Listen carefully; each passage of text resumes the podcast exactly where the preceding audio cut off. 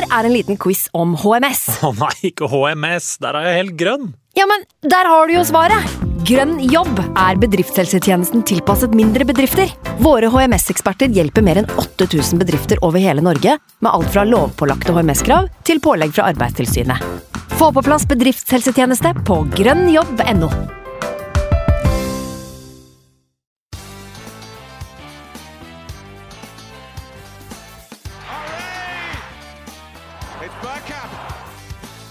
for grabs now! The next station is Arsenal. Hei og velkommen skal du være til en splitter ny episode med Arsenal Station med Magnus Johansen og meg, Simen Goffeng. Fredag kveld og gullrekka, eh, men denne fredagens gullrekke besto av Smith-Roe, Zambi, Tavares, ja egentlig alle Arsenal-gutta. En sutrende Martinez eh, og en deilig partyskulder. Jeg regner med at du heller tar dette enn Nytt på Nytt og Lindmo, Magnus. Det er lenge siden jeg satt og så på gullrekka med Ivar Dyrhaug og Skavlan og Jon Almaas. Og det er kanskje noen andre som styrer det nå, men uh, det er klart Er du en sånn aldrende familiefar, egentlig? er det, men uh, fant ut at vi ser ikke lineær-TV lenger. Vi er blitt for moderne. Så i kveld så så vi jo for så vidt lineær-TV på et vis, men uh, fotballkamper det ser man jo ikke i reprise. og det det, men denne kampen her kunne jeg godt tenkt på å sette en gang til reprise, for det var jo eh, rett og slett en fornøyelse å sitte her og ja, en halvtime etter match og drikker øl og, på en fredagskveld og kan bare glede seg til resten av Premier League-runden og lene seg tilbake. Hvor ofte har vi opplevd det? Det er ikke så jævlig mange ganger, så det gleder meg. Ja, det er veldig unt. Nå det er det den der klassiske enten så får du ødelagt helga, eller så går inn igjen med deilig lave skuldre og bare nyte det som kommer. Det blir jo sikkert noen poengtap, eh, eller åpenbart blir det noen poengtap på noen av topplagene som skal møte hverandre og sånt. Så dette her er deilig, og en uh, liten skål er på sin plass. Definitivt. Jeg eh, jeg er hjemme alene med dattera, så jeg skal ikke jeg skal ikke holde på for lenge, men et par bjønnunger nå, som vi sier her på Hedmarken, det skal jeg virkelig unne meg. Så jeg håper du sitter på kino og um, kaver og med staver opp og si. Kaver, Og- ikke noe cava, men eh, sitter og koser meg med en liten boks her. Og så var det faktisk eh, litt rødt i Arsenal-koppen underveis i kampen i dag. For jeg fant det ut når jeg kom hjem fra jobb at faen, jeg hadde jo glemt å drikke kaffe til morgenen fra Arsenal-koppen. Så det måtte jeg jo det måtte jeg ta i bruk. Og da ble det noe rødt i koppen til, eh, til kamp, og så funka det som forrige. Er det et ritual du har? At du må drikke fra Altså, en kopp? Det er jo litt flaut at man er sånn overtroisk, egentlig, men ja, det har blitt et lite ritual. Eh, Jeg har én rød, én gul kopp, og de brukes henholdsvis hjemme- og bortekamper. Såpass, ja. Har du tredje, har du, har du en sånn tredje kopp òg, eller? Nei, det er Som spiller i blått? Jeg håper samboer lytter her og noterer seg at det trengs en sånn der fin sikksakk blå kopp eh, til jul. Det, de er jo aller finest nå, så Ja, hvis de fins, så skal jeg gjerne ha en sånn. det skal jeg fikse for deg. Ok, det høres bra ut. Det er jo verdt å nevne her, som du var inne på, at vi sitter jo her nå ikke så altfor lang tid etter eh, at kampen er blåst av. Eh, Det har vel akkurat vært noen eh, intervjuer som har rulla over skjermen, så vi får ta det lille forbeholdet når vi sitter og prater. Men det er et eller annet med å sitte her i eufori etter en trepoenger og bare meske seg litt da, i, i ja, det som var en skikkelig overbevisende og behagelig seier, rett og slett. Det, det syns jeg på en måte Nå har vi sittet her i Dette er faktisk den 60. episoden. Det har ikke alltid vært like hyggelig, så ærlig må vi jo kunne være. Så det er noe med å benytte anledningen og rett og slett bare kose seg litt. Det var litt derfor vi ikke la ut noen teaser på, på Facebook og Twitter og jakta på lytterreaksjoner òg, fordi at vi tenkte rett og slett at hvis det her blir en helt forferdelig prestasjon, så kanskje vi skal uh, legge hodet på puta og, og litt i bløtt òg, for å liksom uh, ikke komme med noe sånn reaksjonært eh, type stridstemaer og være helt gale-Mathias og kreve hodet på fat osv. Uh, Nei, men når man, når, for det, vi har jo på en måte, det hadde jo vært en litt sånn derre bekreftelsesgreie da, hvis ting hadde gått litt Mm. eh, trau, traurig i dag. Og da, og da blir det mer sånn at man ser nesten litt større på det. Nå Mm. ble det en sånn koselig kveld med en veldig, veldig god match. Og da, da syns jeg det bare er deilig å sette seg ned og snakke om det, og litt løst og ledig. Vi har jo ikke tid til å, har ikke hatt tid til å forberede oss. Jeg ser jo de store podkastene, sånn som Eh, Arsenal Vision, for eksempel, som nylig ble kåra til beste Premier League-podkasten, vel. eh, Litt grattis, i, i bakhånd her er vel på sin plass òg. Definitivt, og det er fortjent. Eh, de har jo sånn har en egen podkast rett etter match, hvor de eh, snakker mer spontant om det som skjedde, og så Mm. gjerne med litt i glasset, som jeg, sånn jeg skjønte. Og så tar de en mer sånn grundig gjennomgang episoden etter. Det har ikke vi mulighet til å gjøre, men eh, Nei, men Det er jo- ikke en sånn Patrion-drevet podkast heller, så dette her er jo et gratistilbud eh, som vi driver og trer ned over huet på folk. Så, så jeg tenker hvis det at, eh, sitter noen eh, saudi-arabiske prinser Nei, og hører nei, på, så er det lov å sponse oss, er det ikke det, Simen? du, nå, nå er det alkoholen som snakker opp, jeg. Ja, det, det er- så billig skal jeg ikke selge meg. Jeg tror ikke det er noen saudi-arabiske prinser som hører på heller, så det, det trenger ikke å bekymre deg. Men hvis. Jeg skulle ikke hatt de penga. Og igjen, det er sikkert hyklersk å si det når vi sitter og blir sponsa av en uh, Emirat selv, men uh, la oss ikke gå inn på den, Magnus. Uh, Nei. Men som du sa her tidligere, altså det er ikke sikkert det hadde blitt en lystig pod dette her hvis det hadde gått ille i dag. Og vi var jo, eller jeg kan jo bare snakke for meg selv, var jo forberedt på at dette vi så mot Palace i verste fall var noe som bar bud om at her begynner spillere å kanskje miste litt troa. og at man i tillegg ser en uh, Arteta som har famla litt, da. Uh, frykta jo at man Eller jeg, jeg gikk egentlig og venta at vi skulle få en reaksjon uh, fra avspark i dag. Men det er klart at den reaksjonen vi har vist i en del andre kamper tidligere i sesongen, har jo bestått i en 10-15 minutters periode før det har ramla tilbake igjen til gamle synder. Men i dag så var det andre boller, altså. Og vi må jo virkelig bare hylle Arteta. Eller jeg kan i hvert fall gjøre det. For jeg syns at det grepet han gjør eh, med, med lagoppstillinga er både kjempeinteressant og sannsynligvis også ganske uforutsigbart. Og tar nok uh, Dean Smith på senga, rett og slett. Mm. Og, og han klarer faktisk å få skvisa inn spillere som er både i form, stort sett, og som faktisk fungerer sammen uh, i, i, kombinasjonsspillet. Da. Altså, uh, Aubameyang og Lacassette var vel noe vi kanskje venta før uh, kampen, men at de skulle spille i en toer heller enn en ener som Laka og, og Aubameyang ut på venstre, det hadde vi kanskje ikke sett komme nødvendigvis. Så at han får til det, klarer å instruere Smith-Roe og Saka til å holde en sånn Kall det en sånn normal venstre- og høyre midt-posisjon. Det, det syns jeg er uh, imponerende. Uh, gutsy. Uh, og det går jo litt imot det man kanskje har tenkt om Arteta, i form av at han ikke er så veldig fleksibel. Da. så her syns jeg det er på sin plass med en skikkelig mengde roser. Ja, det er ikke, det er ikke tvil om eller det. Og det er som han sier sjøl, at um, han er veldig fornøyd med måten vi starter kampen, men enda mer fornøyd med måten vi fortsetter på. Og når man da spiller en litt sånn uvant uh, formasjon, uh, spillere som ikke har så mye erfaring og ikke har spilt så mye sammen, så er det veldig imponerende å uh, koste på hele veien. Og, og rett og slett være ganske komfortable i samfunnet 90 minutter. Det er vel første gangen nesten denne sesongen her, med unntak av Spurs, kanskje. Eh, hvis vi er kritiske, så kan vi jo si at hvis Lucas Mora sitt mål hadde gått inn da, så kunne det blitt ganske slitsomt. Men uh, den kampen her så var det jo aldri egentlig noe fare på ferde. Og med tanke på da at vi da har en del unge spillere, sånn som Tavares og Lokonga, uh, som ikke har spilt all verden. Spesielt Tavares, som starter sin første Premier League-kamp. Mm. Uh, og på, spesielt at den spiller da sammen nede til venstre der. ikke sant? Nå, nå, spilte jo Smith-Roe og Litt da overraskende, selvfølgelig, på en venstre kant. Mm. Og hjalp veldig til defensivt. Er veldig imponert over motoren hans i dag. Eh, men det er likevel Det jeg bekymra meg mest for før kampen, var jo Lokonga og Tavares eh, i den lomma på venstre der, mot en eh, Ja. jeg husker ikke helt hvem som spilte på høyresida der i første omgang, ja, men det var jo etter hvert Leon Bailey da, og i andre omgang. Og så var det jo Watkins og Ings og Bundia mange gode offensive ja. spillere. Mange løps, uh, mange uh, spillere med høy kapasitet. Så det ble uh, overraskende nok de spillerne man hadde tvilte mest på på forhånd, var jo de som sto fram mest. Så Teta viser jo at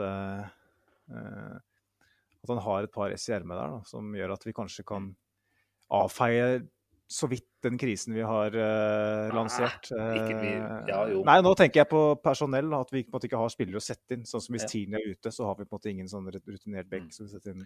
Nei, det var jo Der, og, vi, hvis, uh, og når Sjaka er ute nå, ikke sant, så, så har vi ingen å sette inn der. Jeg satt jo på vår offisielle offisielle det ganske vår saudi-arabiske Twitter-konto, så satt jeg og predikerte at uh, i dag starter El Neni, for at vi har ingen andre som kan gå inn her og spille Ja, sammen med meldte det. Parta. Eh, og så kommer Lokonga og gjør det der. Ja. Og da tenker jeg OK. Ja. Da, da, så får vi se, ikke sant. Jo, jo. Man vet ikke om det her varer, men det er, det er et kjempegodt tegn. Nei, altså, du veit jo at en, en spiller som Lokonga som er 21 år, kommer ikke til å prestere 100 av 100 i hver kamp. Eh, Men den, kall det den usikkerheten som var der litt i forhold til det å kaste han ut i ulvene i en potensielt ganske tricky kamp, da, som ville ha vist seg å være over uh, en lengre periode nå. Det, det kunne jo selvfølgelig ha backfired av det, men eh, det virker jo som både han og, og Party gikk ut med en helt annen innstilling enn det som var tilfellet for den tremanns midtbanen vi hadde eh, i forrige kamp. Dette her var eh, virkelig en midtbaneduell som ble vunnet. Da. Eh, nå syns jeg jo han eh, Buendia på, på Villa ikke nødvendigvis funka som en tredje midtbanespiller, så Louise og McKinn var det vel da, som spilte sentralt her. De, de hadde jo en stri turn med sine motstandere her. Eh, men jeg tenker at La Conga definitivt en kandidat til eh, kampens spiller, eh, sånn som han presterte utpå der. Og kanskje særlig med de forventningene du hadde til han, da, så var det veldig imponerende. Så vi kan, vi kan for så vidt ta en liten kåring på det òg. Jeg tenker at både han og Tavares, som det var nevnt, og Smith-Roe, kanskje, som eh, er overalt, egentlig, og bidrar med så mye eksepsjonelt bra. Selv om den goalen selvfølgelig også har et stort element av flyt i seg, så, så vet du allerede han kunne fort gått inn i lengste den uten den deflection der. Så egentlig bare en nydelig kveld med prestasjoner som var gode over hele linja. Ja, definitivt. Eh, Den venstresida som vi har snakka om, der var det tre gode kandidater, som du sier. Men det var, det var flere som utmerka seg. Eh, Lacassette på topp der, med måten han står fram på og t- tar ledelsen. Eh, ben White i midtforsvaret syns jeg var helt enorm. Mm. Eh, Aaron Ramsdale igjen med den personligheten han viser, og noen av de pasningene han eh, Ja, strør Definitivt. gjennom ledd fra, fra keeperposisjon. Så var det er- deilig å høre, man, eh, høre at Arsenal-fansen sang eh, til Martinez at Aaron Ramsdale is better than you.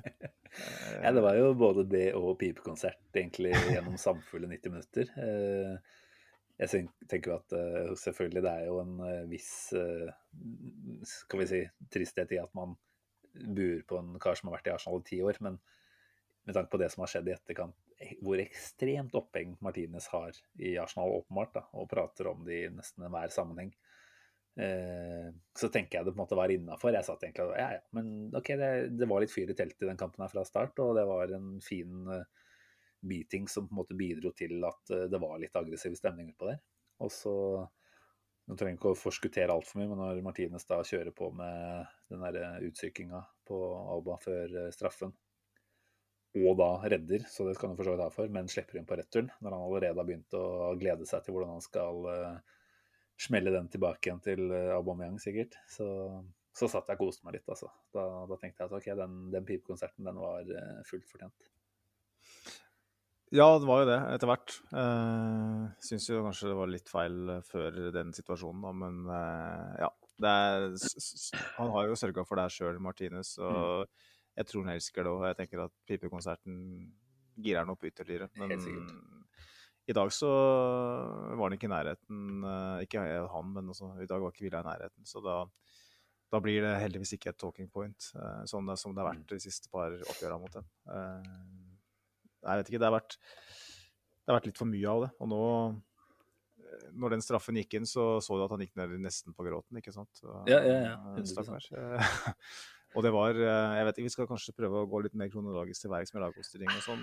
Eller eh, skal vi være så spontane og bare Litt sånn, i vei. litt sånn kaos-tilnærming, sånn som Arsenal også da egentlig hadde den kampen her. Altså, det snakka vi om i forrige episode, Magnus, at det som på en måte har vært det beste fra Arsenal, eh, har man inntrykket da. Altså, jeg tenker vi skal ikke underslå at det var mye taktikk, og at det var en lagoppstilling, og at man hadde eh, forfordelte oppgaver som ble fulgt, og man gjorde det Arteta ba om på det taktiske plan. Men det var allikevel det der elementet av intensitet og litt sånn kaos eh, som kanskje gjorde at vi faktisk eh, gikk ut og fikk eh, tidlig scoring her, og at vi bare holder det gående. Jeg tenker eh, den der eh, ville råskapen da, som vi har etterlyst i en del av kampene hvor vi har vært veldig flate. Det er jo den som kanskje først og fremst sørger for at vi får uttelling her. Ja, det, det er jo det samme vi så mot, mot Palace egentlig òg, og som vi ofte ser, at vi går ut eh, som eh, blodtørste kjøtere og bare jager på. Mm. Eh, og så, uavhengig om man får skåringen, så virker det som man liksom tar foten av gasspedalen ganske tidlig. Og så ser du for så vidt samme trenden i andre omganger. da. Eh, men det ble jo kanskje mer fokus på det enn noen gang da, etter den Palace-matchen, Mm. ettersom vi da tok ledelsen og ble så passiv som vi ble. Og Arteta snakka om at, eh, at det satt mellom øra på spillere. At det var en mentalitetsgreie. Eh, og Ja, da- og, og det var det mange som var kritiske til, eh, meg selv inkludert, egentlig. Og at han på en måte da Jeg tenker jo den passiviteten i Palace-kampen oppsto etter bare ja, som du sier, 20 minutters tid. da, Og at man på en måte ikke klarer å få spillerne til å omstille seg i løpet av egentlig den resterende delen, bortsett fra de siste ti, da, hvor du får den litt sedvanlig desperasjon, heldigvis. Så, så tenkte jeg at ja, OK, men burde ikke du først og fremst sørge for å få en uh, endring i dette her selv, Mikkel? Men uh, jeg tenker at i dag så Og det sa han vel også etter kampen òg, at det tyder jo på at uh, dette er en spillergruppe som, uh, som er ung, og som lærer fra kamp til kamp. Og der man selvfølgelig på en side kan si at denne kampen her først og fremst var en skikkelig reaksjon da, på, på den blemma som vi tross alt gikk på mot eh, Palace, så, så er det jo også et element av at OK, man får litt potensielt samme kampbilde som, som i forrige kamp, men istedenfor å da legge seg tilbake, så, så står man eh, opp og holder det gående. Og så viser jo det seg å fungere mye bedre. Så at dette er en spillergruppe som skal, eh, skal vi si, lære seg å, kjenne seg selv litt, da, og forstå hva de er gode på, forstå hva de er dårlige på, det må vi på en måte gi Arteta litt uh, slack på. At uh, greit, det er for så vidt rutinerte spillere med mye erfaring fra tidligere eh, andre steder, men uh, som en enhet så har du ikke så mange erfaringer. Og at de nå på en måte ser at OK, det gjorde mot Palace, det funka ikke. Nå står vi opp, og så fortsetter vi trøkket mot Villa, Villa, så ser man som man får betalt, da. Selv om det selvfølgelig kan slå andre vei med litt tilfeldigheter som ikke går i vår favør. Men først og fremst så tenker jeg at det, det viser at her er det en forhåpentligvis progresjon eh, som er ganske stor fra kamp til kamp. Ellers er det bare en enkelt eh, for- foreteelse igjen, da. At denne kampen her blir et lite utskudd, sånn som Tottenham-kampen var. Og så er vi tilbake igjen til eh, kall det gamle synder i neste. Men ja, det er det jo en fare for, selvfølgelig. Eh, men eh, det er vel ingen tvil for meg i hvert fall om at det her er den kampen hvor det er minst tilfeldig at vi vinner av Mm. samtlige kamper, inkludert Tottenham. For da hadde jo Tottenham et par farligheter før vi, vi skåra. I et Nord-London Derby så kan, kan ting endre seg på et, et øyeblikk. Mm. I den kampen her så vant vi for at vi var best hele veien. Eh, det var aldri egentlig noe særlig tvil om hvor poengene skulle ende, selv om jeg begynte å, å rydde når eh, han Jacob Ramsey skårte. Da begynte jeg å fjerne en drueboks og sjokoladepapir fra Mye rar atferd på deg underveis i Arsenal-kamper. Det ble, jeg, ble, jeg ble helt på, helt på styr. Jeg er et brent barn. Jeg har eh, brent meg så mange ganger at eh, Jeg vet ikke. Eh, det er helt idiotisk, egentlig, men sånn Den skåringa til han eh, Den første Ramsey-skåringa på Emirates på lenge, eh, den eh, Den satte støkk i meg, da. Eh, jeg vet ikke hvorfor, men i alle fall da, så, så var, var det en kamp hvor Arsenal hadde Selv om det var en kaosmatch, så var det en, en kamp hvor vi, vi hadde en viss kontroll. Jeg følte aldri at Villa egentlig klarte å sette noe trykk på oss. Eh, og kampen kom aldri Altså, den, den kom aldri helt til ro. Det ble liksom aldri en sånn eh, kamp hvor vi motstanderne eh, følte og kjente på hverandre. Liksom. Eh, det var bare fullt kjør hele veien. det. Var, dommeren var liksom involvert i, i hånd, nei, nest, sånn nesten håndgemeng Mm. etter ett minutt, liksom. Jeg tenkte oi, det her blir litt av en match. Dette er en sånn typisk match hvor M. Martinez kommer til å irritere livsskiten av oss. Og så klarer vi på en måte å bruke den energien, da. Og Mm. publikum hjelper til, eh, selvfølgelig. Og det er flomlys, og det er fredag, og det var bare sånn Nei, det her Den kampen er vår, og den kampen her Av de fire som De fire kampene mellom den landslagspausa som var nå sist, og den som kommer, så var den kampen her jeg hadde minst tro på. Eh,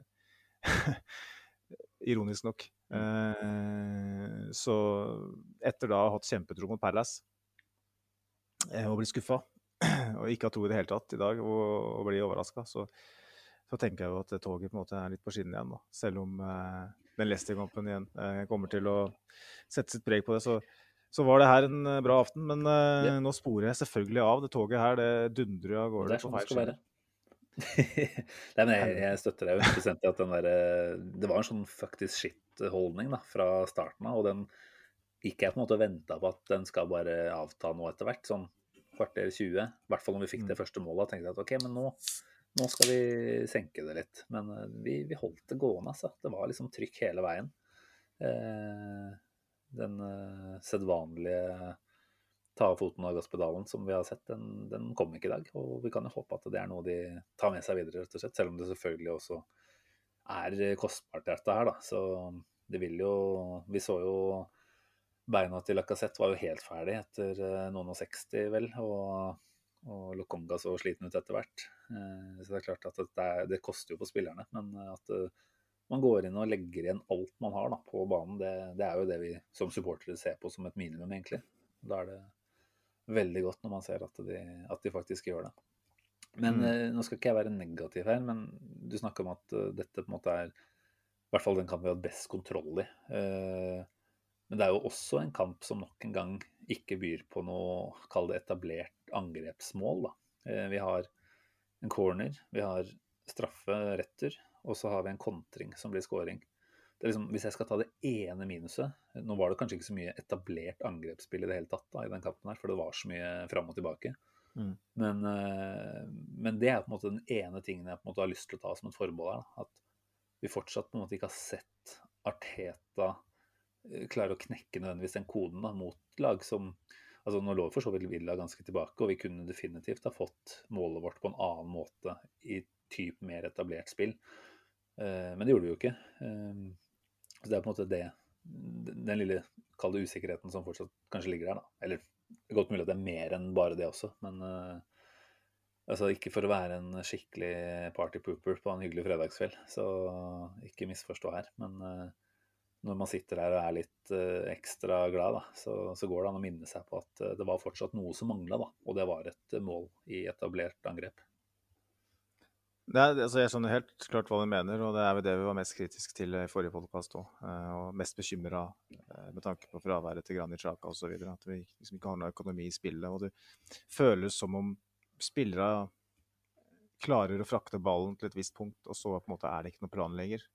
Eh, og det ser vi litt i dag òg. Jeg syns det, det fyres av uh, ukritisk fra veldig mange hold. Jeg snakka om den der langjakka til Wenger i forrige podkast, og den glidelåsen der. Uh, jeg tipper jo at han eh, sannsynligvis hadde ødelagt glidelåsen på jakka si igjen eh, i dag, hvis han hadde vært manager. Eh, I dag så var ikke Partey største synderen, jeg håper å si. Det var eh, Tavares.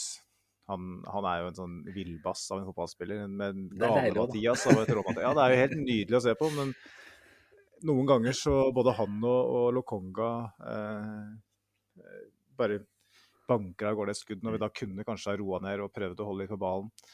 Eh, men akkurat i dag så var, var det kanskje ikke en sånn kamp. da, for i dag, Det var kaos hele veien, så det er kanskje greit å bare avslutte angrepa. da, For det kommer flere bølger. Men sånn som mot Palace så var det jo, og mot Brighton ikke minst, så rota vi jo bort eh, den muligheten til å etablere et trykk ved å bare gi fra oss ballen og skyte fra 30 meter og sånn. det er sånn Nei, man Ja. kan på en måte ikke få alt her, da. Eh, Jeg er helt enig i at i noen kamper så er det rett og slett dumt å gjøre det. Men eh, det føltes riktig i dag, og det var på en måte noe med å opprettholde et kontinuerlig trykk. da. Og noen av de skudda fra, fra utsida av 16, de var ikke dumme heller. Altså Noen av de var vel håpefulle, selvfølgelig. Jeg ser vi hadde åtte skudd fra utafor 16 gjennom kampen.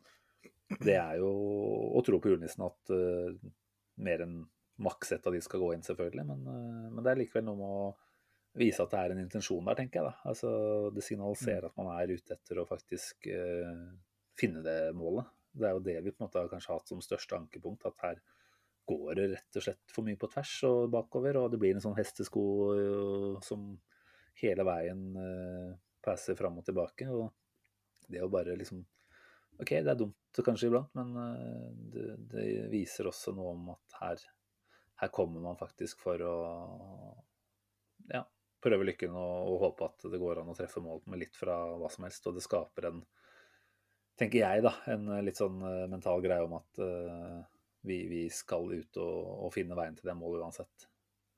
Og så er det ikke noe tvil om at fyrer man fra distanse, så, så, får man også et forsvar som ser at ok, dette her må vi faktisk ut og støte på. Og da skapes det jo gjerne mer rom eh, inne sentralt. Ja, og det, det har jo vært et, en kritikk som har blitt benytta mot Arsenal òg. Det at eh, spesielt under Wenger, men det fortsatte jo eh, under Emery og til dels Ariseta og en at vi, vi aldri skjøt. Kom jo spillere til Arsenal, eh, som Thomas Rosiski f.eks., som hadde en slegge av eh, jern som plutselig bare slutta å skyte. Eh, men så har jo Wenger uttalt at sjansen for å score fra mm. lengre hold er så liten, så sånn matematisk sett så lønner det seg å prøve å spille seg helt inn i boksen.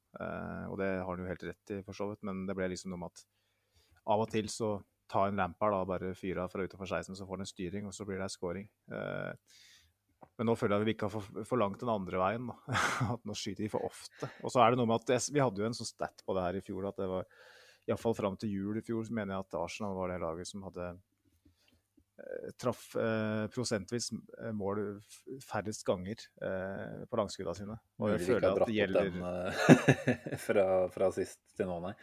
Nei, for det er mye rødskrutt her også. Men nå fikk jo endelig Thomas Party målet sitt, da.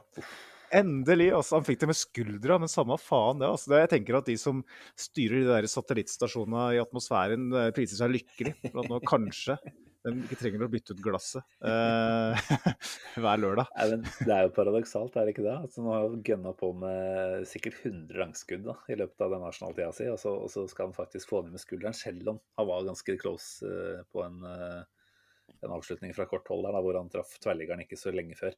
Så, så, han var på gang i dag, han altså.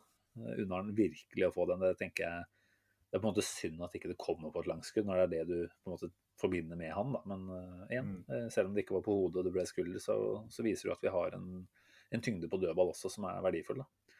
Så fint på flere måter der. og jeg tror det er en liten uh, vekt av skulderen som, uh, som detter av der. Og det kan jo bare være bra for det som skal komme framover. Håper ryggsekken uh, faller av, så det blir bra, det. Nei, uh, unner han det. Jeg har en lillebror som er stor Thomas Party-fan. Så han kom inn fra en tur i Bingen og bare Party scora endelig! så det var, det var, koselig. Ja, det var deilig, altså. Så gratulerer, Thomas Party.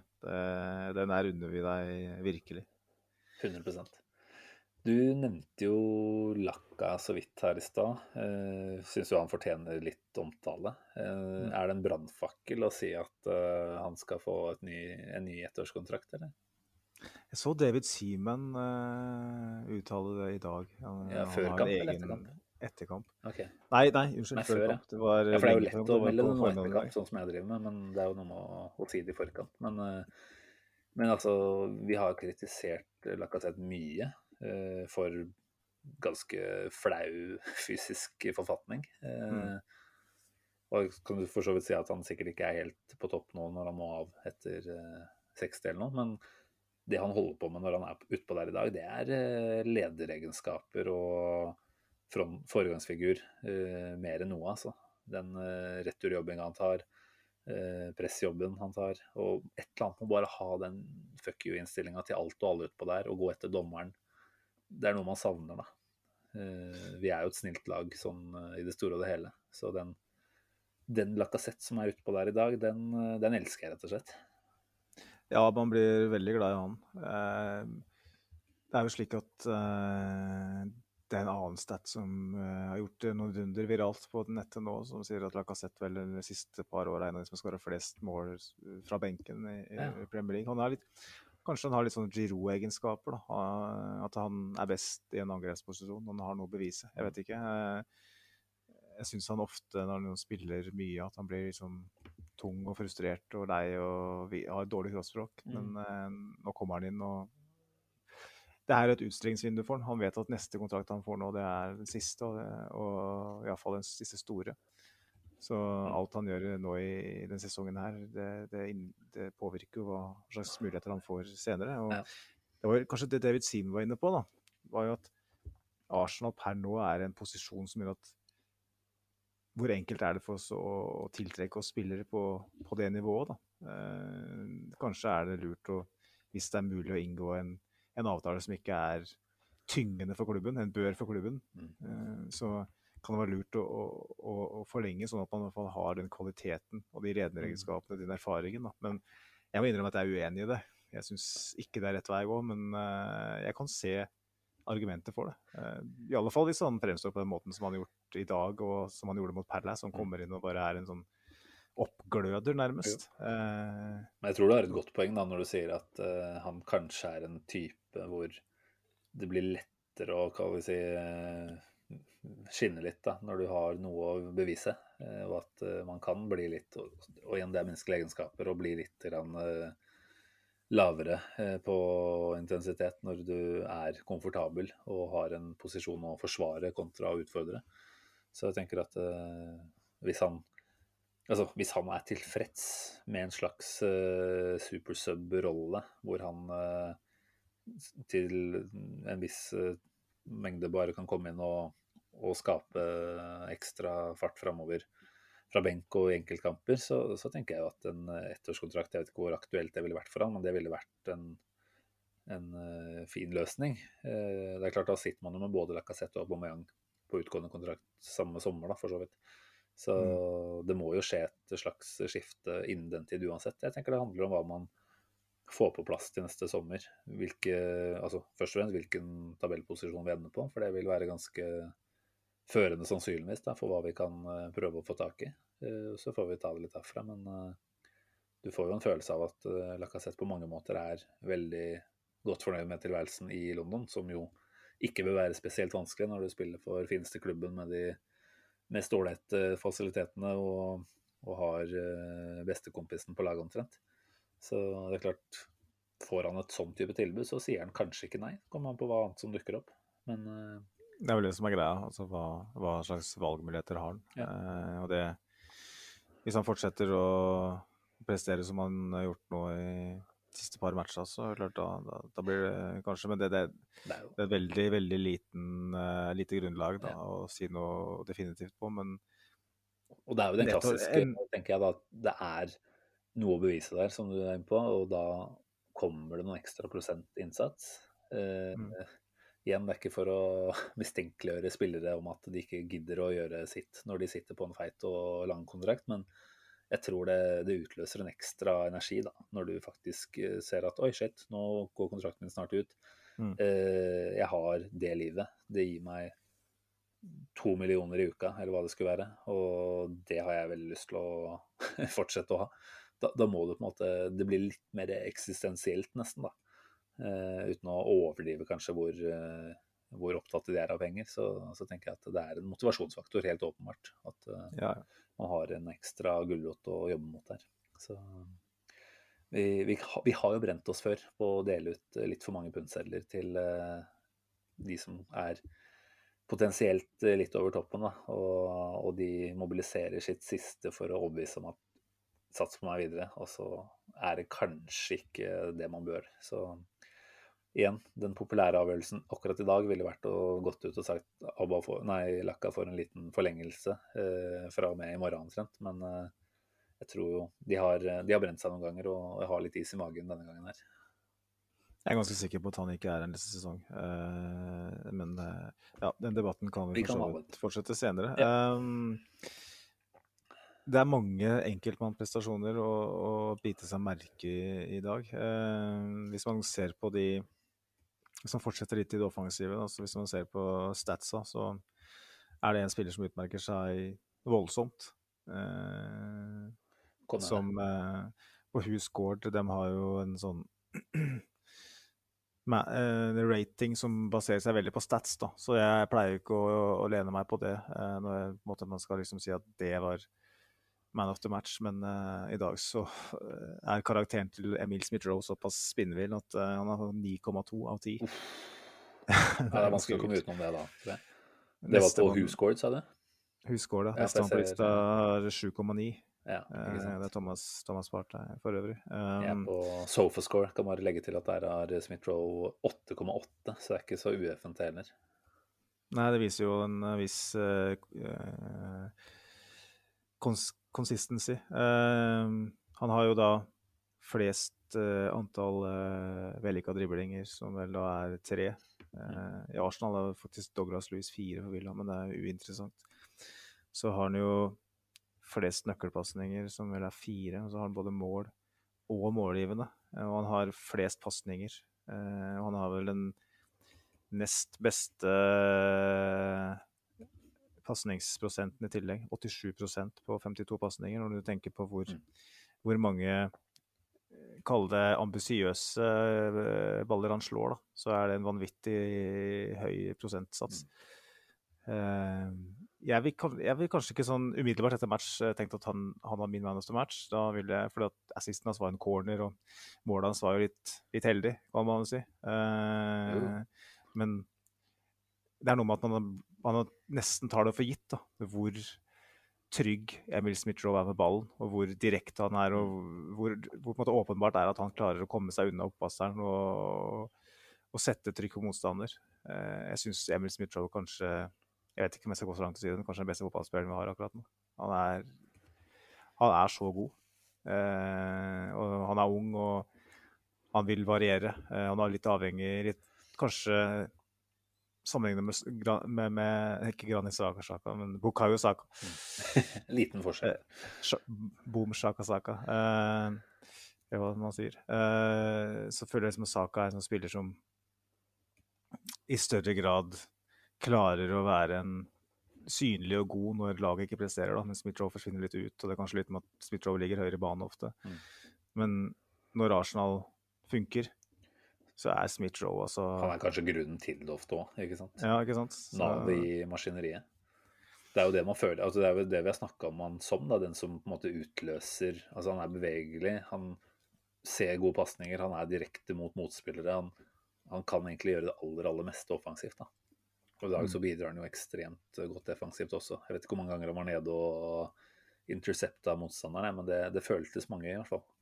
Så dette var vel uh, igjen Det er lett å bli litt sånn historieløs. Han har vel akkurat vært i Nei, det er under et år fortsatt. Uh, tida han har vært i, i førsteelveren, på en måte. Eh, man kan vel bortimot argumentere for at dette var beste kampen hans, kanskje. Selv om han selvfølgelig også var knallgod mot Tottenham. Så, så var det nivå altså, på det han holdt på med i dag. Så jeg tror jeg må støtte meg til, eh, til disse stats-sidene og si at han er man of the match i mine øyne, selv om jeg vet at du hadde en, eh, en Zambi som eh, din foretrukne, kanskje. Ja. Um, jeg vet ikke om jeg skal korrigere, men eh, altså Smith-Roe han, han har bare for, å, bare for å avslutte det tallmessige, så har han jo to ballgjenvinninger også, som er flest, sammen med Gabriel og White, som begge var to. Det er jo midtstoppere. Det det her er jo en, en offensiv midtbanespiller som har det i tillegg til at man har flest vellykka dribling og flest nøkkelpasninger og mål og målgivende og alt på en gang. Så eh, det er vanskelig å komme utenom om Smith-Roe. Og så syns jeg det er verdt å merke seg, som du sa, at han, han holder det gående gjennom hele matchen. Han har jo vært litt sånn at han ofte etter, etter en times spill så, så er det litt tomt på, på tanken. Mm. Så det senest nå mot Palace, syns jeg. Og i, dag så spilte han kanskje en rolle hvor man må løpe mer òg, eh, enn man gjør når man spiller litt eh, mer fram, eh, framtrukket. Så det syns det var interessant, rett og slett. Jeg er litt overraska over at han holdt så godt som han gjorde. Så da, da, da får jeg si at da velger jeg å gi den til, til Smith-Roe. Jeg syns det er urettferdig. Man skal ikke på en måte Det er feigt. Det er, det er feil å ja, det er, ja. altså, så er det, var det, Martin Skanke sa. Hva sa du? Og så fikk han en ørefik, men jeg får ikke gitt deg en ørefik over uh, til, fra Løten til Ski. Men, gode. Eh, men jeg syns uh, man, skal, man skal ikke trekke ned fordi at man tar ting for gitt, da, på en måte. Nei, og det, det sier jo igjen alt om den statusen han har opparbeida seg da, i manges øyne nå. Og det er en spiller hvor vi rett og slett forventer consistency egentlig fra kamp til kamp nesten da. Og det, det etter bare da elleve måneder i, i laget. Ti-elleve måneder. Det er helt vilt, faktisk. Det steget han har tatt eh, på det året her, altså. Mm. Så nei, det er ikke lenge til. Han er vel fort kanskje til og med i landslagstroppen allerede nå ved neste uttak. Selv om det kanskje er litt i overkant. og Jeg tror ikke han er den som tar av nødvendigvis, men eh, det går jo veldig fort, da, for å si det sånn. Eh, Men hvis du, det blir jo en veldig åpenbar sammenligning å ta han med Grealish, som er ganske ute av form. I hvert fall har vært det i store deler av en sesong nå hvor han prøver å bli kjent med nytt system og sånn i, i City. Så, så har jo Smith-Roe så mange av de samme ferdighetene, eh, i tillegg til at han har en ekstrem fart. Da. Altså, vi så det jo i dette U21-målet hans på landslagssamlinga sist. Hvordan han spurta over banen på sikkert bare 5-6-7 sekunder. Mm. Og, og den eh, intensiteten han har i touchinga og, og tempo i, i forflytninger, det er, eh, det er nesten litt skremmende altså, hvor god han er på det også. For det er liksom ikke det du forbinder med han i utgangspunktet. Da. Så juvel, rett og slett. Så syns jeg vi- en ja. liten shout til disse midtstopperne våre er på sin plass i dag, da. Eh, Ben White syns jeg kanskje vi skal ta et lite ekstra ord om også, fordi der er det mye bra som skjer i dag. Eh, Du nevnte en pasningsprosent før eh, vi gikk på lufta her i stad. Jeg husker ikke akkurat hva det var, men det var et høyt tall. Det var et veldig høyt tall. Eh, det var ganske soleklart det beste på banen. Han har 94 da. Eh, han slår vel da Skal vi se 36 pasninger, er jo ikke veldig mye. men Det er jo færrest i, i backfireren, men eh, han slår flere litt mer ambisiøse pasninger. Han tar med seg ball gjennom ledd flere ganger. Litt det som på en måte var det Ben White ble henta for. Det som gjorde han unik eh, som, som et alternativ. Eh, han gjør det, og, når, og da må du på en måte legge det til grunn når man, når man ser på en pasningsprosent. For da, da går man gjerne gjennom to ledd, og så skal man eh, være orientert og, og, og slå en, en, en, en riktig pasning. Når man da ender på den på 94% og det, det så vi jo. altså det Øyetesten, som er enda viktigere, den, den bekrefter jo de tallene her. Han var Jeg syns det begynner å vokse frem en, Komplett. veldig sånn kom, ja, komplett stopper, kan du si. Men jeg mener en stopper som, som har de ferdighetene som er mer sjeldne, da. Mm. Som, som man gjerne leter etter, og som gjerne dessverre forsvinner til, til klubber som har større ressurser og, og er i en annen posisjon. Eh, Ben White, han, han er kanskje ikke den som man umiddelbart legger merke til eh, når man har en Gabriel som er stor og sterk og vinner dueller og roper og skriker og er en sånn koloss bak der. Mm. Så blir Ben White litt sånn i skyggen av han. Eh, men man begynner å se hvorfor Ben White er den spilleren som koster en halv milliard. Mm. Man begynner å se at det er, en, det er en spiller som har ballferdigheter på et helt annet nivå enn en gjennomsnittsstopper. Eh, og hvis han kan bruke det eh, og finne det samarbeidet sammen med Gabriel, da, som er mer, litt mer sånn Kall det klassisk stopper. Mm. Så, så har vi et, vi har et stopperpar her som har et potensial som er Det er kanskje, altså hvis du ser lagdel for lagdel Fotball handler om, om relasjoner. De beste lagene vi har hatt, uh, har hatt uh, komplementære spillere i hvert eneste ledd. Vi har hatt mange gode spillere opp gjennom åra som har spilt sammen, som ikke har funka. De, de er enten for like, eller så passer de ikke sammen. Vi har hatt spesielt mange stoppepar hvor du har hatt spillere som er altfor like. Ikke sant? Toré, Gallas, Fermalen, Korselny osv. osv. Ja. Men Gabriel White, der er det noe. Der har, du, der har du to spillere som Hvis de får vokse sammen, hvis de får være skadefrie, være et lag som på en måte er i medvind eh, et lag som, Hvis de får den beskyttelsen de får fra resten av laget, og kollektivet er sterkt nok, så tror jeg det kan kanskje være et stoppepar som eh, kan være det beste, iallfall siden Mertesaker og Korselny. Eh, minst, og kanskje bedre. Det er, eh, det er noe ved dem som virkelig tenner en gnist i meg. Altså. Det er kanskje den, den lagdelen jeg er mest tilfreds med, uten tvil. Jeg liker det jeg hører her. Og det er klart det samarbeidet som har utvikla seg med, med Ramsdale bak der, eller bakerst her i tillegg. Da. Det, det understreker jo bare at her er det noe å forhåpentligvis kunne ha veldig tro på og satse på i, i ganske lang tid framover. Veldig, veldig bra. Eh, nå klarte vi vel aldri å være spesielt kronologiske i den eh, gjennomgangen her. Jeg vet ikke Er det sånn at vi, vi har snakka mye om eh, for så vidt spillere og ting som har skjedd i kampen? Er det noe helt åpenbart vi har eh, unngått? Vi har ikke snakka om at Ødegaard ble Det ble jo sagt han var skada, mm. eller hadde slet med en småskade før kamp. Start på benken pga. det. Hvis han er småskada, er det naturlig at det da er første spiller man setter inn, eller uh, hvordan tolka du det at han var benka? Jeg tenker jo sånn formasjonsmessig så, så virka jo det helt riktig, sånn som vi stiller opp. Men mm.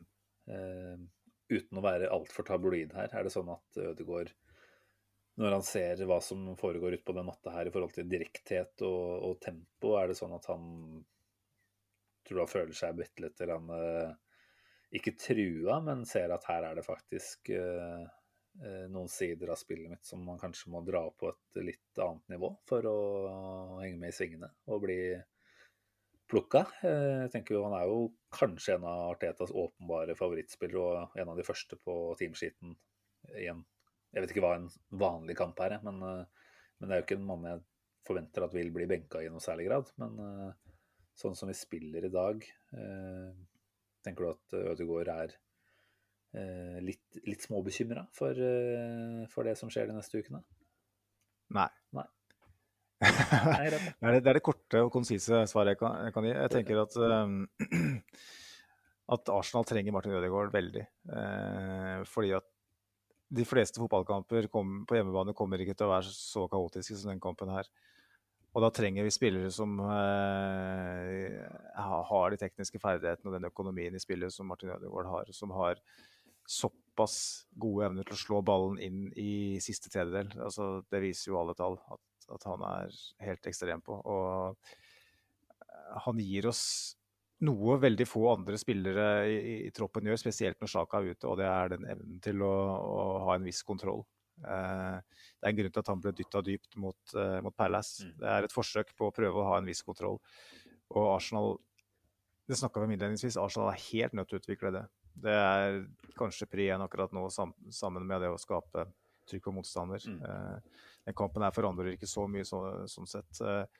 Nei, det gjør den jo ikke. Og jeg tenker det er verdt å nevne at uh, ballbesittelsen vår i den kampen her er jo ikke på mer enn 55% Så det er ikke sånn at vi kontrollerer kampen med ball eh, samfulle 90 minutter. Selv om du opplever at vi har en relativt god kontroll da, på det som skjer, så er det jo allikevel det du sier om å ha den egenskapen og faktisk uh, holde ball i laget. Jeg vet ikke akkurat hvordan de sekvensene så ut i den kampen her, men det kom jo noen tall fram etter Palace-kampen som var ganske grove, da, hvor det var tatt en, nei, en 30 eh, minutters periode ut av den kampen der, hvor man bare hadde ni sekvenser med tre pasninger eller mer eh, innad i laget.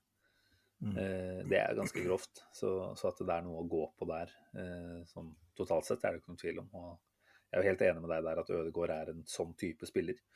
Så, så, så det var egentlig som sagt en eh, i overkant tabloid eh, måte å prøve å få deg til å bevege deg litt ut på glattisen. Ja, nei, altså Jeg har ikke ispiger, men jeg falt ikke gjennom isen der, tror jeg. Jeg tror at, uh, at det, det, var såpass innarbeidet i mitt hode at, uh, at Ødegaard er en åpenbar ener for Ariteta og for Arsenal og en enormt viktig spiller. En av de aller viktigste i tida som kommer. Vi kommer til å møte lag som legger seg helt ned på 16-meteren og bare skal stange, stange unna. og da nytter det ikke å bare ha spillere som går rett på, for da, da blir det bare kaos ikke sant? Absolutt, og, absolutt. og brudd imot. Og Martin Ødegaard han, eh, han er en spiller som virker å trenge veldig mye tid på å bli varm i trøya hver eneste mm. gang han på en måte er en sånn irregulær eh, rytme i livet hans. Hvis han er ute med skade, eller hvis han er på landslagspause, eller hva det måtte være, så virker det som han trenger liksom to, tre, fire kamper på å komme i gang igjen. Det er en sånn, det er en sånn tendens jeg har lagt merke til. Uh, det så vi til og med når han var i, i Sociedad, hvor han hadde sitt livs beste periode. Mm. Så, så slet han litt med skade. Han kom tilbake da etter å ha vært kanskje den beste midtbanespilleren i La Liga. ikke sant? Mm. Så bare fant han aldri tilbake til seg sjøl. Eh, og nå ser vi det igjen, syns jeg. da. Han, eh, han, var jo fullstendig usynlig mot Brighton. og Da, da hadde jeg litt sympati med ham, fordi da gikk på en spillet over og rundt den hele tida. Eh, han lå på en måte i en sone der det ikke skjedde noe som helst, eh, og venta på eh, at det skulle skje noe, eh, på instruks. Mot, men mot Palace, da syns jeg liksom at her ja, Da spilte han kanskje en uvant rolle, og alt det der, men det er noe du ser det på, på kroppsspråket også, og alt. Når han virkelig er on fire, da. Så jeg håper at han rekker å bli før ny landslagspause. Så, så da er han liksom, da er han førstemann i press, og alle pasningene sitter, og alt spillet går via han. Og så, men når han da, da kommer tilbake fra skade, eller ja, hvis han spiller i en uvant posisjon, eller hva det måtte være, så, så virker det som hele fyren blir usikker. Da. Mm. Og da, da, da går det enkleste pasninger feil. Ja. Så jeg vet ikke hva det er. Men uh, han er ung. Han har nesten aldri i løpet av karrieren sin spilt fast på det høye nivået vi faktisk er. Da. Han hadde en halv sesong i Sociedad. Uh, altså én sesong, da, hvis man er snill. Så hadde man et halvår i Arsenal nå. Ellers så har han jo egentlig aldri spilt fast og hatt en lederrolle på et lag på det nivået her. Så det er jo en ting han kommer til å utvikle på, på sikt. Så vi må regne med å huske at han er 22 år, han bare òg. Ja, nei, vi trenger ikke å ta den altfor mye lenger. Men eh, jeg, undrer meg om altså Altså, Saka fikk jo et, en kjempenokk, for å si det sånn, mot uh, Palace og starter uh, i dag. Eller fredag. Uh, mens Ødegaard Det var jo snakk om, så jeg, at eh, han hadde en liten nok som han tok med seg fra den kampen òg, men han startet da på benk. Så det, måtte, det går an å tolke det dit hen at han faktisk blir benka i den kampen her. Eh, og det kan jo hende at Arteta har sett for seg og ønsker et kampbilde hvor det er litt mer eh, fram tilbake, litt mer kaostilstander. da. Mm. Eh, og jeg tror som deg at han ikke nødvendigvis er ute etter det eh, som sin go to-måte å spille fotball på. Men eh, at han også kanskje ser at Ødegaard har noen begrensninger der. da, For jeg tenker at eh, det var ikke de åpenbare erstatterne eh, som Eller det er ikke de åpenbare personene Ødegaard kunne gått inn i en formasjon som den vi spiller i dag, og, og starta istedenfor, og at vi skulle forventa den samme eh, eh, samme prestasjonen, rett og slett. Da.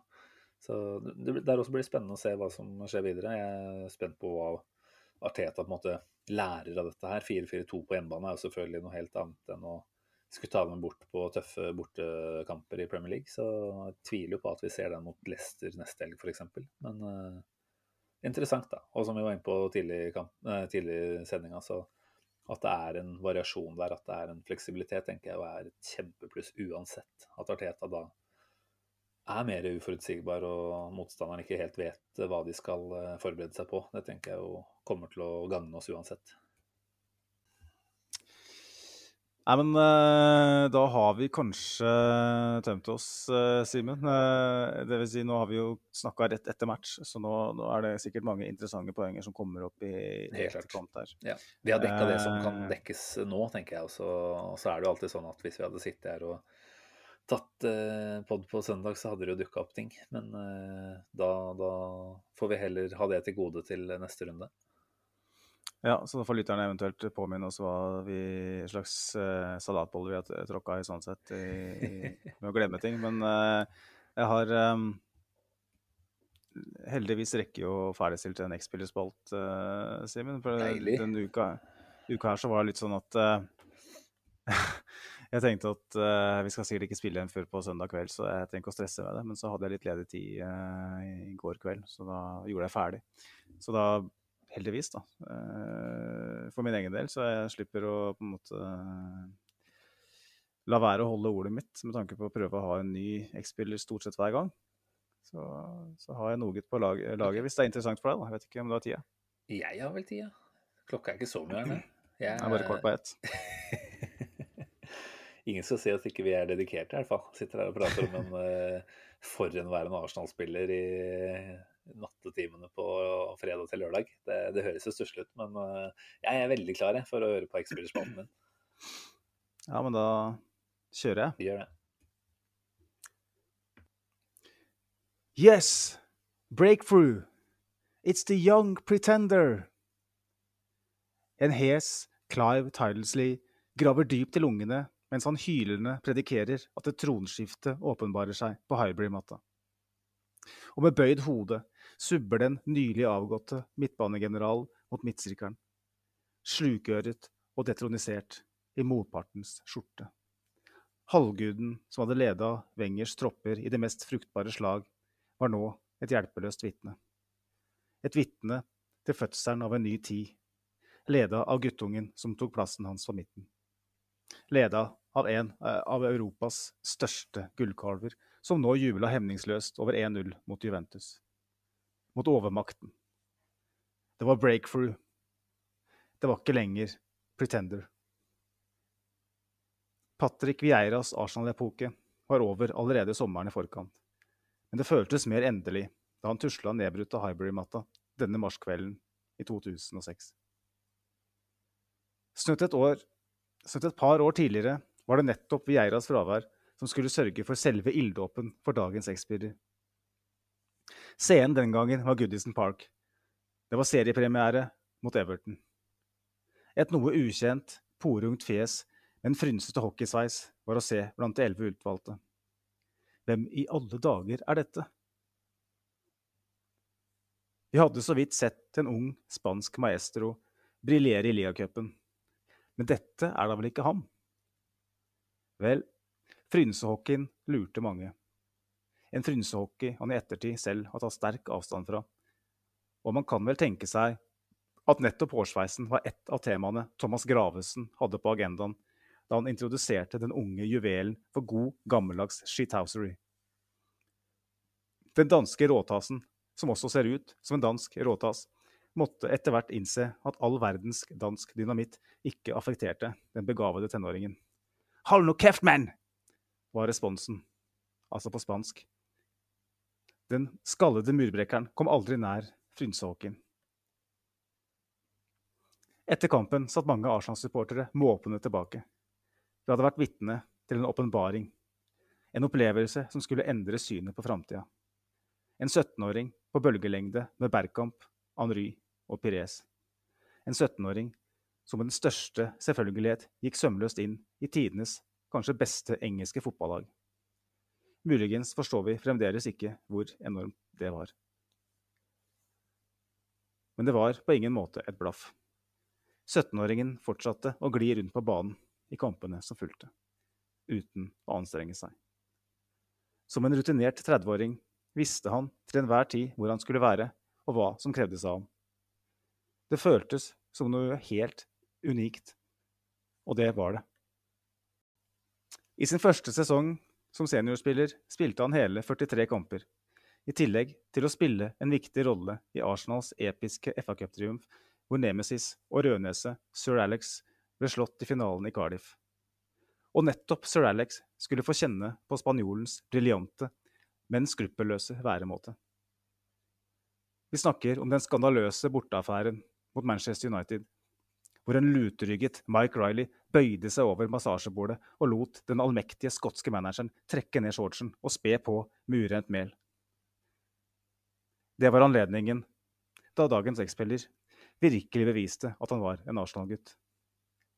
De sedvanlige opptøyene i spillertunnelen ble brått avbrutt av et prosjektil av ost og tomatsaus. En presis missil traff innertieren. En rød nese dekka av urent mel, og nå pepperoni-pizza. Artillerist og eier av kastearmen var banens yngste. Dagens X-spiller. Man kunne si mye om de eventyrlige ferdighetene til unggutten, men vel så viktig var personligheten.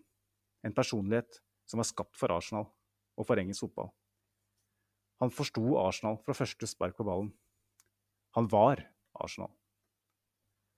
Og nettopp det gjorde han til et åpenbart valg som ny kaptein på skuta. Da en slarvkjefta William Gallas i 2008 mista bindet etter kritiske kommentarer om lagkameratene i pressen. 21 år gammel og kaptein. Den yngste siden Terry Neal tidlig på 60-tallet. Yngre enn Tony Adams. Fra før hadde han allerede rukket å bli tidenes yngste spiller og tidenes yngste målskårer i klubbens historie. Rekorder som fremdeles står i 2021. Og sesongen hvor det ærefulle bindet ble antrukket spanjolens arm, var også hans kanskje beste sesong for klubben. Med 24 målpoeng på 32 ligakamper snitta han på 0,75 målpoeng per kamp. Og det fra midtbana. Av disse målpoengene var 17 av dem målgivende pasninger. For det var som hovmester han hadde sin fremste forse. Følsomme stikkere, rappe flikker, lange baller i bakrom. Han hadde alt. I tillegg var han limet i det offensive maskineriet og selve katalysatoren for et Arsenal som kom nærmere en ligatittel enn på noen annet tidspunkt så langt i Emirates-æraen. Dette var også sesongen da han skåra sitt kanskje mest minnerike mål. Og det var selvfølgelig snakk om et Nord-London-derby. Mens TV-produsentene var opptatt med å vise reprise av Robin van Persies 1-0-skåring, og fansen knapt hadde rukket å klatre tilbake til sine respektive seterader, snappa gullkalven ballen rett fra avspark og skar gjennom samtlige av lillebrors pressledd som kniv i varmt smør. Ballen ble så kirurgisk plassert i nærmeste hjørne, før supporterne på ny ramla nedover seteradene i full ekstase. I den ene svingen ble de møtt av en overtent spanjol med mildt sagt oppglødde øyne. Feiringen var, om mulig, enda mer ikonisk enn skåringen. Dette var en gutt som forsto Arsenal. Han var Arsenal. 21-åringen var nå selve hjertet i klubben. Kaptein, ledestjerne og kontraktsforpliktet til ytterligere seks sesonger. Da 07-08-sesongen endte med skuffelse, var det en genuin tro på fremtida. Mye på grunn av dagens X-spiller. Men denne sommeren skulle på mange måter vise seg å bli et vendepunkt i denne kjærlighetshistorien. Midtbaneleddet, som hadde en helt suveren dynamikk, ble sterkt svekka av en rekke avganger. Borte var Flamini. Borte var Gilberto. Til og med Lasanna Diarra var borte, i tillegg til at Thomas Rositski var langtidsskada. Dermed antok klubbkapteinen at minst én midtbanespiller ville bli signert. Og han ble særdeles håpefull da det ble klart at klubben var i samtale med Liverpool vedrørende Shabi Alonso. En landsmann og en venn unggutten beundret, og en spiller som virkelig kunne forsterka laget. Dessverre skulle ikke dette materialisere seg, og da Big Bens tunge drønn signaliserte slutten på sommervinduet, var Arsenal-kapteinen en smule bedrøvet. I stedet for Alonso ble det De Nilsson og Song. I stedet for å ambisiøst bygge videre på nesten-sesongen, ble det satsa på to unggutter fra egne rekker. Dagens X-spiller har i ettertid innrømma at dette var øyeblikket da han forsto at Arsenal kanskje ikke var klubben som kunne innfri hans ambisjoner. Dette var også tidspunktet da selv, selvhøytidelige katalanere så sitt snitt og starta en skamløs jakt på sin fortapte sønn. Han er gjenstand for kidnapping, ble det proklamert i katalansk presse. Han blir holdt som slave, skal høytstående Barcelona-ansatte ha hevdet. Altså, Slave. Altså, slave! I tillegg rulla den skinnhellige klubben ut stjerner på løpende bånd for å kritisere Arsenal for å holde på den stakkars, stakkars kapteinen sin. Han måtte jo få komme hjem. Hvilken ondsinna klubb Arsenal måtte være for å betale vennen deres over en million kroner i uka for å spille fotball. Det må jo være slaveri av verste sort. Og det pinligste er at Barcelona, klubben som mener at de er mer enn en klubb, publiserte disse intervjuene på sine hjemmesider. At dette ikke ble via mer oppmerksomhet i sportspressen, er å regne som tjenesteforsømmelse. At Arsenal ikke kutta alle kommunikasjonslinjer med Barcelona der og da, er trist. Men hovedpersonen ville åpenbart hjem, og Arsen Wenger var altfor opptatt av stjerneelevens ve og vel til å stå i veien. Dermed endte tidenes kanskje mest skitne og kyniske spillejakt med vellykket utfall for katalanerne. Og selv om de slimete ålene i Barcelona fikk viljen sin, er det mulig å forstå at den avtroppende kapteinen ønska nye utfordringer. Det var mulig å forstå at han ville spille for barndomsklubben sammen med Messi og under idolet Pep Guardiola. Arsenal var en klubb som fremdeles ikke kunne satse på lik linje med supereliten, mens Barcelona var verdens beste lag. Men karma er ei flyfille, heter det.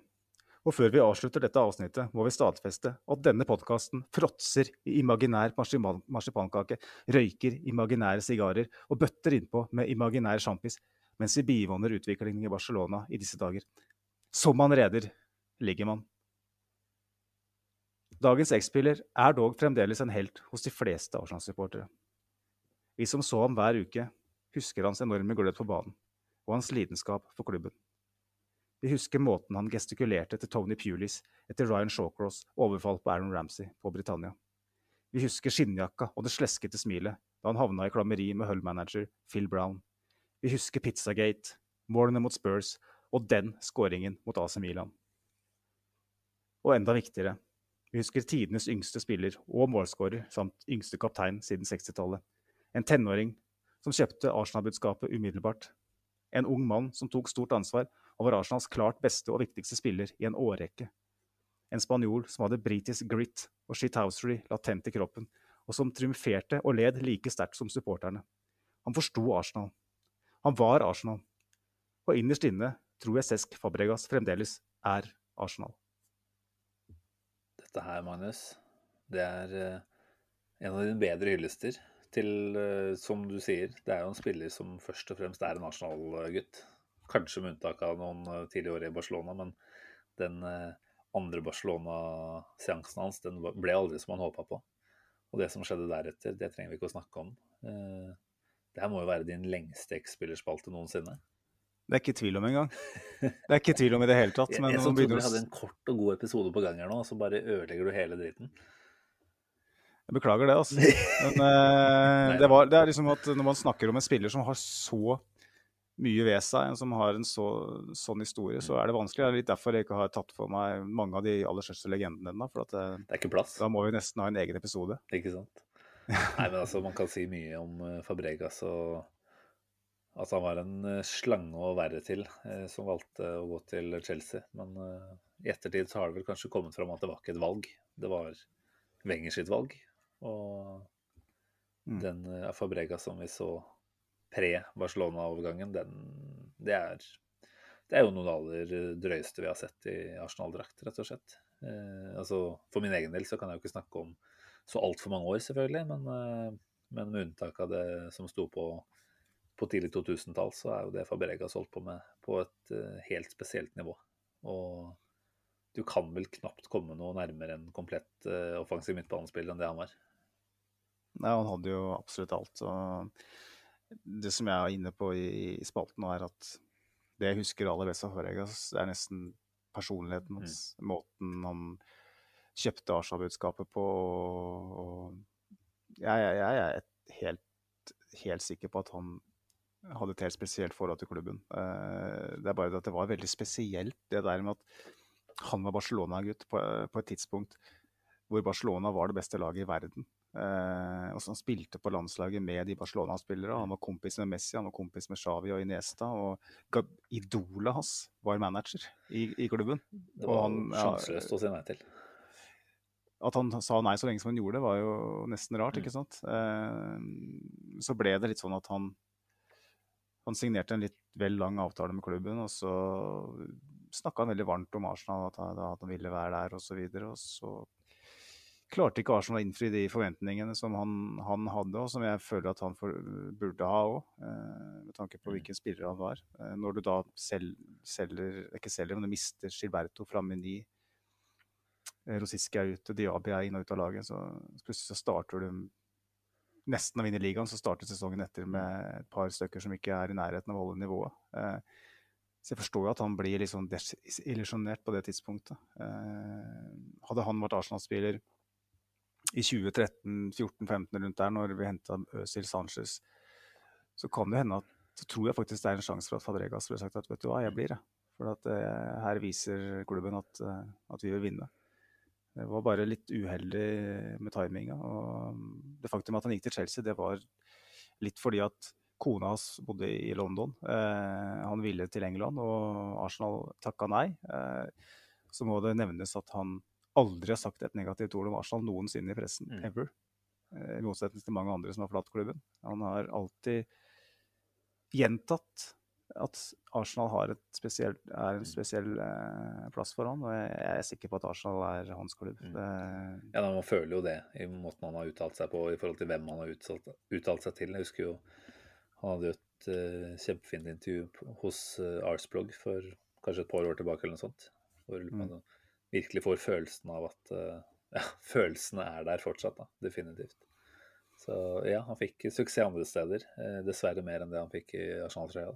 Men eh, det at han eh, allikevel var den, var den spilleren han var, til tross for at ikke det gikk eh, helt dit man skulle ønske med han som ledestjerne, det, det får jo på en måte bare være litt lei seg for, men akseptere allikevel. Mm. Mm. Nei, men uh, bra levert. Men jeg tenker jo at med tanke på at klokka er uh, det den er nå, så skal vi ikke dvele altfor mye med vår X-spiller akkurat i kveld. Det får holde, dette her. nå syns jeg vi skal ta en velfortjent hvil, Magnus. Når vi legger ut den poden her, så er det lørdag morgen. Satser på at det er mange andre som har lyst til å kose seg med en deilig trepoenger i starten av helga. og leve videre på den de neste par dagene. Kose seg, rett og slett. Og så er jo kampen allerede på tirsdag, faktisk, mot uh, Leeds. Uh, mm. Før vi spiller tidligkamp på lørdag uh, mot Leicester borte. Betyr det at vi får en nesten endra, eller fullstendig endra førsteelver mot Leeds, tenker du? Eller er det en turnering Artete nå ser at ok, her er det faktisk en potensielle billett inn i Europa. Nå skal det vel sies at det kun er Conference League man oppnår ved å vinne ligacupen i år, da. Ja. Nei, jeg, jeg tipper jo altså det er, det er flere spillere her som har behov for minutter. Eh, en Martinelli, en Chambers, en Cedric, en Holding osv. Så, videre, og så, videre. så det kommer til å bli rotert. Det er ingen annen arena for å rotere enn ligacupen akkurat nå. Så PP kommer ikke på banelag i det hele tatt. Regner med at han er eh, på plass igjen der. Ja, ja. Og, og Leeds er en såpass uh, spesiell situasjon i ligaen akkurat nå. De sliter med å vinne fotballkamper, så det uh, kan kanskje forventes at de òg Litt avhengig av hva som skjer i helga, kanskje. Hvis de igjen skulle finne på å tape, at, uh, at de må bare rett og slett spare litt spillere for å prøve å komme i gang med sesongen skikkelig. så Nei, det blir nok en en, et B-lag der, eh, for å kalle det det, med ispedd noen stjerner. Mm. Så forhåpentligvis en rolig kveld på jobb. Eh, men uh, bare, bare, for å ta det, da. Vi, vi har ikke nevnt um, det vi, vi syns vi skal gjøre. At, uh, minne alle på at uh, det fremdeles uh, er slik at det lønner seg å melde seg inn i supporterklubben her hjemme. Den offisielle supporterklubben, Arsenal Norway. Vi har jo da innledet et samarbeid med dem, som de fleste nå har fått med seg.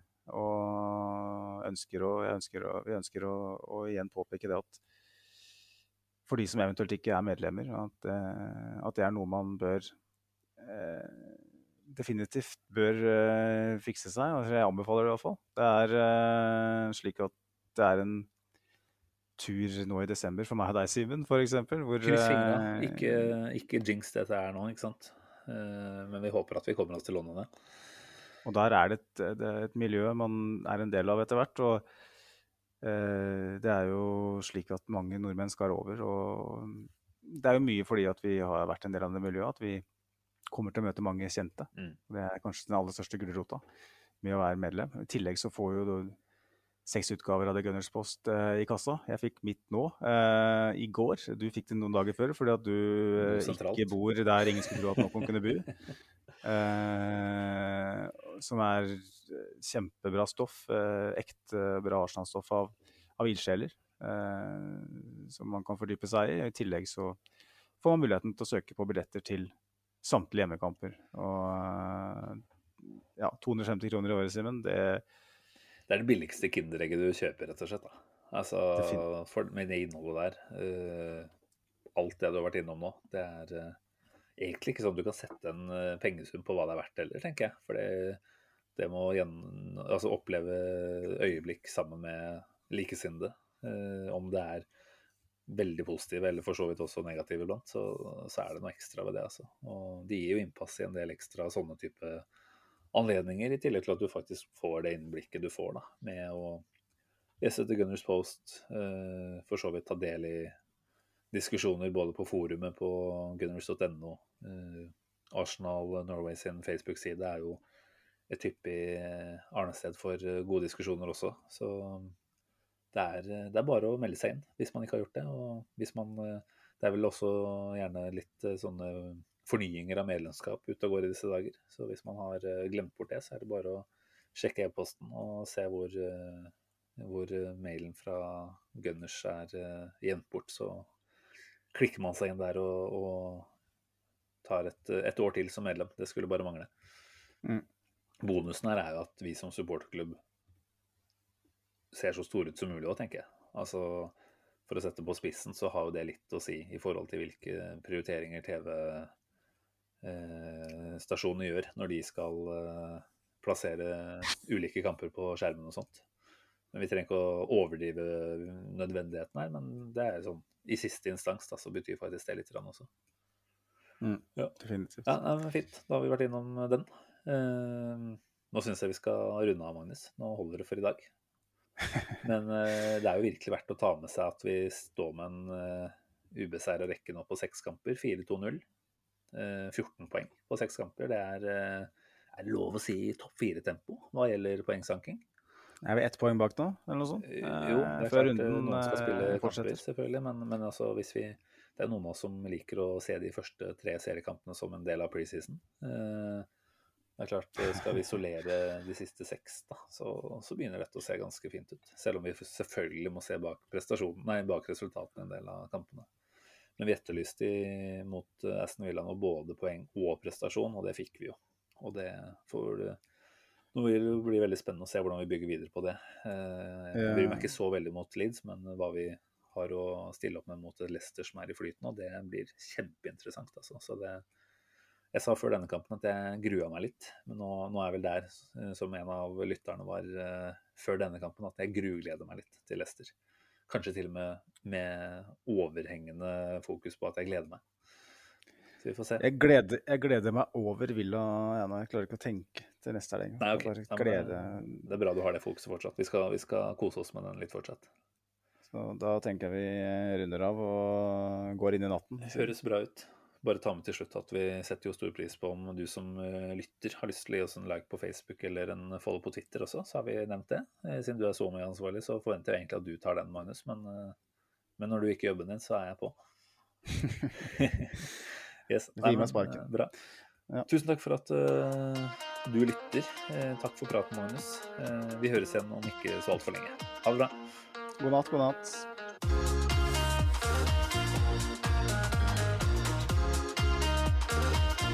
This train terminates here.